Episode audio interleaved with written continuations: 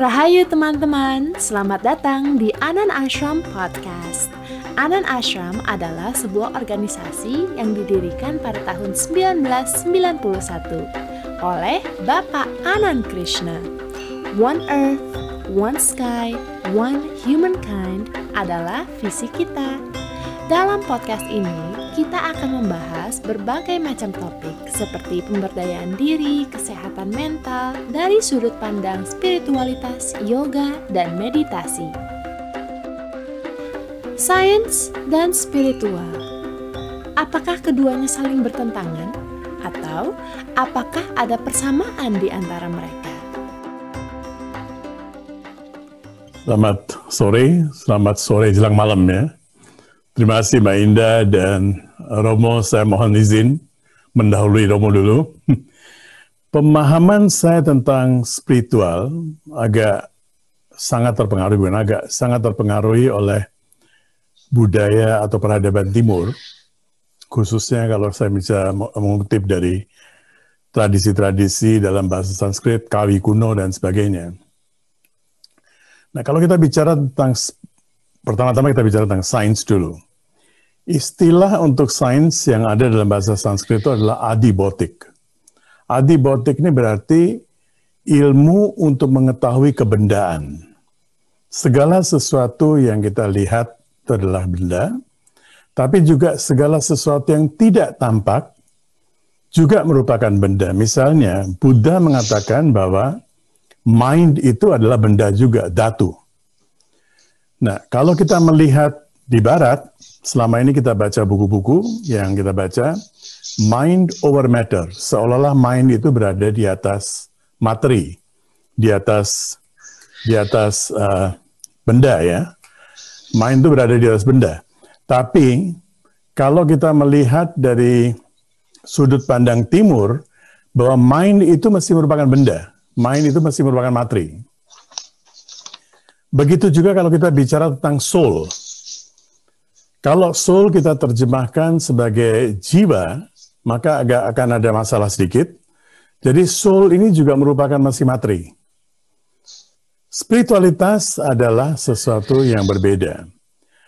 Termasuk kembali kepada materi, sekarang sains mengatakan bahwa seluruh alam semesta yang kita lihat dan tidak terlihat, kita cuma bisa membayangkan ada sekian banyak galaksi, sekian banyak konstelasi perbintangan, dan sebagainya, semuanya itu tidak melebihi 4 persen, 3-4 persen. Masih ada yang disebut dark matter dan dark energy yang kurang lebih 96 persen. Itu kita tidak tahu apa adanya itu. Cuma kita tahu dari dampaknya, seperti atom. Belum ada manusia yang melihat atom. Tapi dampak dari atom itu kita bisa lihat jadi dari dampaknya kita mempelajari sains dan sifat dari atom, begitu juga kita berusaha sekarang untuk mempelajari sifat dari dark matter dan dark energy dari apa yang terlihat, 3-4% yang terlihat atau belum terlihat. Sementara itu spiritualitas adalah sesuatu yang menyangkut diri kita sendiri. Jadi bukan sesuatu di luar diri, tapi diri kita sendiri. Saya ketika lahir, belum diberikan nama, belum diberikan cap agama, belum diberikan cap akademis berapa, ini belum belum ada pendidikan dan sebagainya, belum ada afiliasi dengan institusi mana pun juga, tapi nyatanya saya lahir. Jadi persoalan utama yang di berusaha dijawab dalam spiritualitas di timur adalah who am I? Aku ini siapa? Oleh karena itu spiritualitas disebut adhyatma. Untuk mengenal dirimu sendiri, atma. Untuk mengenal atma, siapa aku ini sebenarnya.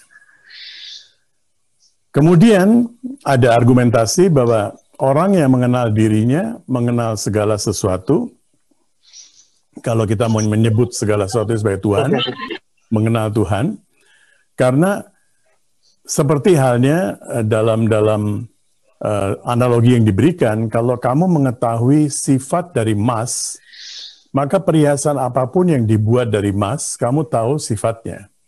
Bentuknya berbeda-beda, tapi emasnya sama. Begitu juga diberikan analogi berikutnya juga seperti susu dan sapi. Warna sapi boleh berbeda-beda, ada yang warna putih, warna hitam, bintik-bintik, dan sebagainya. Tetapi susunya sama. Nah ini adalah spiritualitas, di mana kita bisa melihat kesatuan dan persatuan. Oleh karena itu, pemahaman yang digunakan juga oleh Bung Karno, kemudian beliau menemukan slogan Bhinneka Tunggal Ika yang merupakan penggalan dari uh, salah satu uh, sloka dalam Sutasoma, bahwa tidak ada dualitas tanhana dharma mangrua, tidak ada dualitas dalam dharma. Jadi kalau kita melihat bineka tunggal ika, ada istilah bin yang berarti beda, ika berarti satu, tunggal berarti satu, satu juga, ika bisa berarti diartikan satu juga. Jadi dalam satu kalimat bineka tunggal ika, satu ini diulangi dua tiga kali. Bin perbedaan cuma di, di, disebut sekali saja. Apa sebetulnya perbedaan itu? Perbedaan terlihat di permukaan. Tapi inti dari segala sesuatu adalah satu itu. Jadi kalau kita menerjemahkan Bhinneka Tunggal Ika, apparently different, kelihatan di permukaannya berbeda-beda, tapi inti dari semuanya itu adalah satu. Nah ini adalah wilayah spiritual, di mana kita melihat kesatuan dan persatuan itu, bahwa semuanya itu satu. Albert Einstein sampai akhir hayatnya berusaha untuk menemukan theory of everything. Ada nggak satu rumusan yang bisa menjelaskan segala sesuatu di alam ini? Di timur, kita sudah memiliki teori itu sejak ribuan tahun, tetapi kemudian ada warning juga bahwa teori ini nggak bisa diajarkan. Kalau sains bisa diajarkan, Newton sudah menemukan teori-teorinya, rumusan-rumusannya sudah terbukti, kemudian Einstein juga menemukan, Stephen Hawking menemukan, sekian banyak uh, saintis yang menemukan rumusan-rumusan tertentu, kita sebenarnya tidak perlu membuktikan lagi itu sudah ada rumusannya, kecuali kita membantah, mau membuktikan sesuatu yang beda. Kalau enggak, kita tinggal mempelajari mereka. Dalam spiritualitas, kita tidak bisa menyontek orang lain, kita harus mengalami sendiri. Aku siapa ini kalau kita baca buku, itu adalah pengalaman si penulis bukunya bukan pengalaman saya pribadi. Dan perumpamaan yang kita bisa berikan itu adalah kita tidak bisa kenyang dengan melihat menu makanan, harus makan sendiri.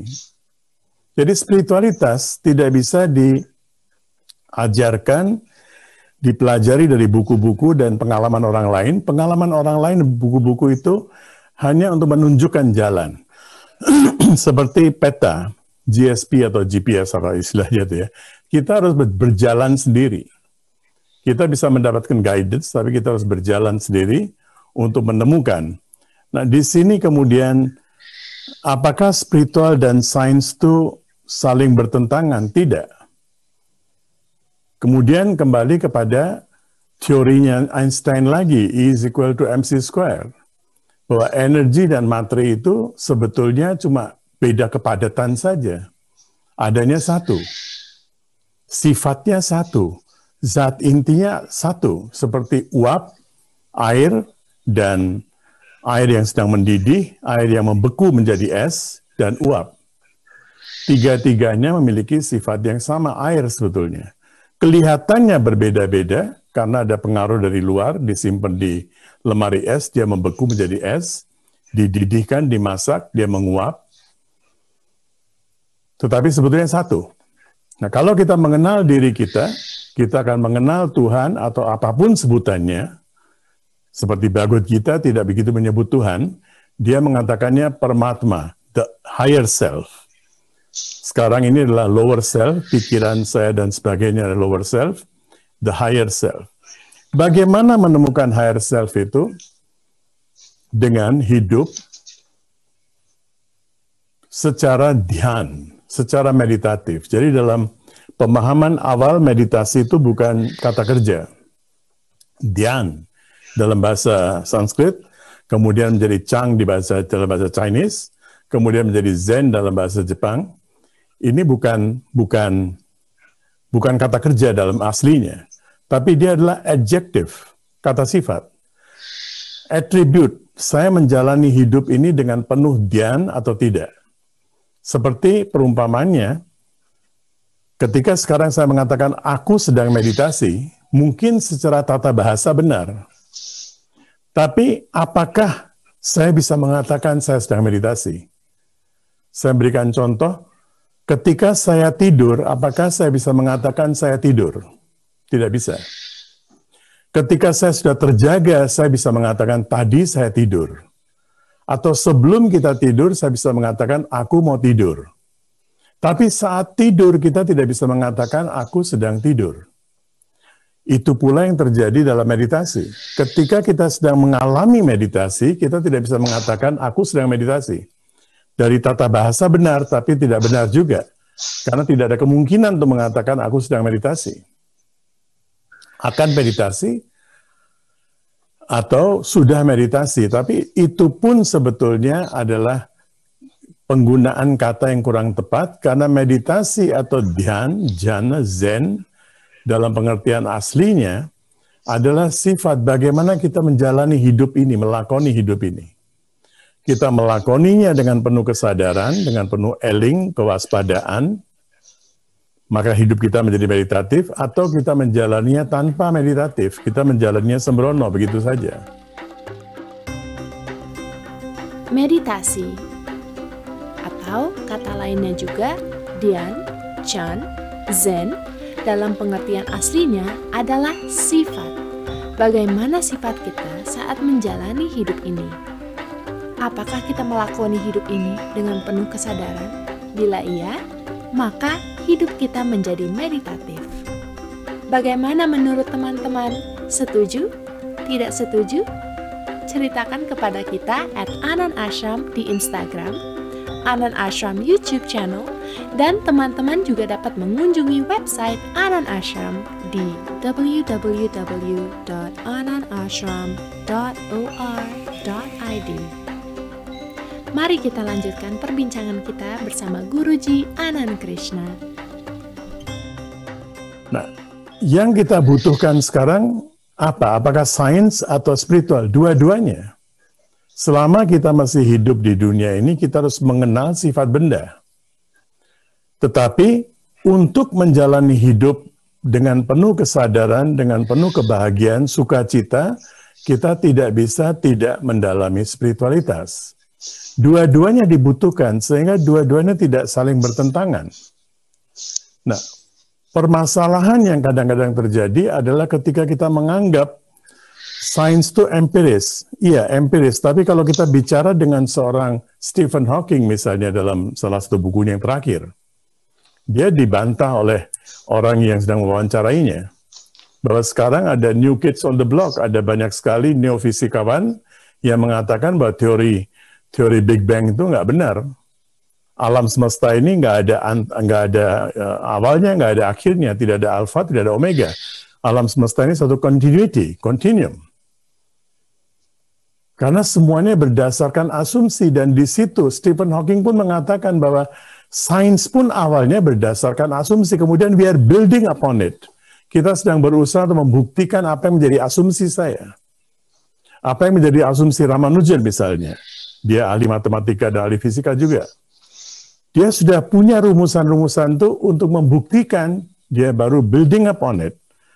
Nah, itulah spiritualitas. Tidak mengenal titik. Jadi kalau besok-besok saya sering mengatakan, saya menulis sekian banyak buku dan uh, saya tidak terbebani ketika saya harus membantah penemuan saya yang saya pernah tulis 100 buku 100 judul yang sebelumnya. 10 tahun yang lalu penelitian saya, penemuan saya, pengalaman saya berbeda dari pengalaman saya yang sekarang. Dan itu bisa terjadi berkembang terus sains dan spiritual di situ bertemu. Dua-duanya berkembang terus, tidak mengenal titik. Berdasarkan pengalaman-pengalaman kita sekarang menjalani menghadapi pandemi ini banyak sekali penelitian-penelitian baru yang muncul ke permukaan atau yang sudah pernah ada tapi kita tidak pernah mengetahui tentang penemuan-penemuan itu tidak pernah meneliti dengan baik, dengan dengan cerdas. Sekarang kita mulai meneliti. Dan kita menemukan bahwa pandemi ini pun terjadi karena ketidaksadaran kita. kita tidak perlu mengalami atau mengulangi pengalaman yang pernah terjadi di Spanish flu, seandainya kita belajar dari pengalaman itu. Bahwa globalisasi yang terjadi, barang-barang jadi murah, kita bisa dari satu tempat ke tempat lain dalam sekejap, tidak perlu keluar uang banyak, tapi globalisasi itu juga bisa membawa virus dan bakteri dari satu tempat ke tempat lain. Ini tidak pernah kita kita pelajari dampak negatifnya. Spiritual mengatakan lepaskan positive thinking. Karena di alam semesta ini positif ada, negatif ada. Kita tidak bisa cuma berpikir positif saja. Sebab itu kalau kita kembali kepada Buddha misalnya, dia tidak bisa diterima oleh motivator uh, uh, zaman sekarang. Buddha mengatakan pertama-tama kamu harus tahu bahwa dunia ini penuh dengan duka, dukkha. Kalau sudah tahu bahwa dunia ini penuh dengan duka, cari alasannya kenapa bisa berduka. Kenapa saya sengsara? Apakah ada jalan keluarnya? Dan jalan keluarnya apa? Tapi kesadaran awal adalah memahami bahwa dunia ini duka. Kalau kita bicara dengan motivator sekarang, dia mengatakan positive thinking. Buddha memulai perjalanannya dengan dengan apa yang bisa disebut negative thinking. Nah, ini yang kita sebut dalam spiritual sebagai positive attitude.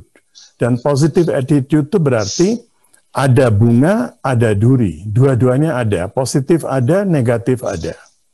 Kita memahami sifat dari dua-duanya itu. Jadi bagi saya sekali lagi, spiritual dan sains ini saling melengkapi. Yang satu bicara tentang kebendaan, yang satu bicara tentang inti dari kebendaan itu, spirit di balik kebendaan itu apa. Dan di situ terjadi pertemuan.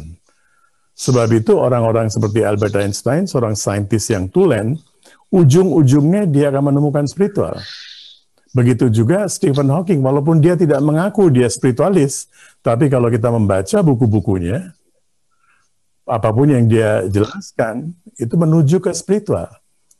Nah, di sini saya tidak melihat ada perbedaan dan mungkin saya harus mengakhiri, jadi kita bisa lebih banyak berdialog nanti. Sains dan spiritual saling berkaitan, tidak saling bertentangan. Perbedaannya hanya ada di tataran fisik. Bahkan materi yang kita bisa lihat hanya sebatas 4%. Sisanya tidak bisa kita lihat, tapi bisa kita rasakan dampaknya. Sains dapat diajarkan, namun spiritualitas harus dialami sendiri melalui pengalaman pribadi. Spiritualitas mengajarkan untuk bersikap positif atau yang disebut positive attitude. Dengan memiliki positive attitude atau bersikap positif, kita dapat menerima kebaikan dan keburukan yang terjadi dalam hidup kita sehari-hari. Semoga episode hari ini telah bermanfaat bagimu. Follow, share, dan jangan lupa untuk bergabung di episode berikutnya. Semoga semua makhluk berbahagia. Sampai jumpa.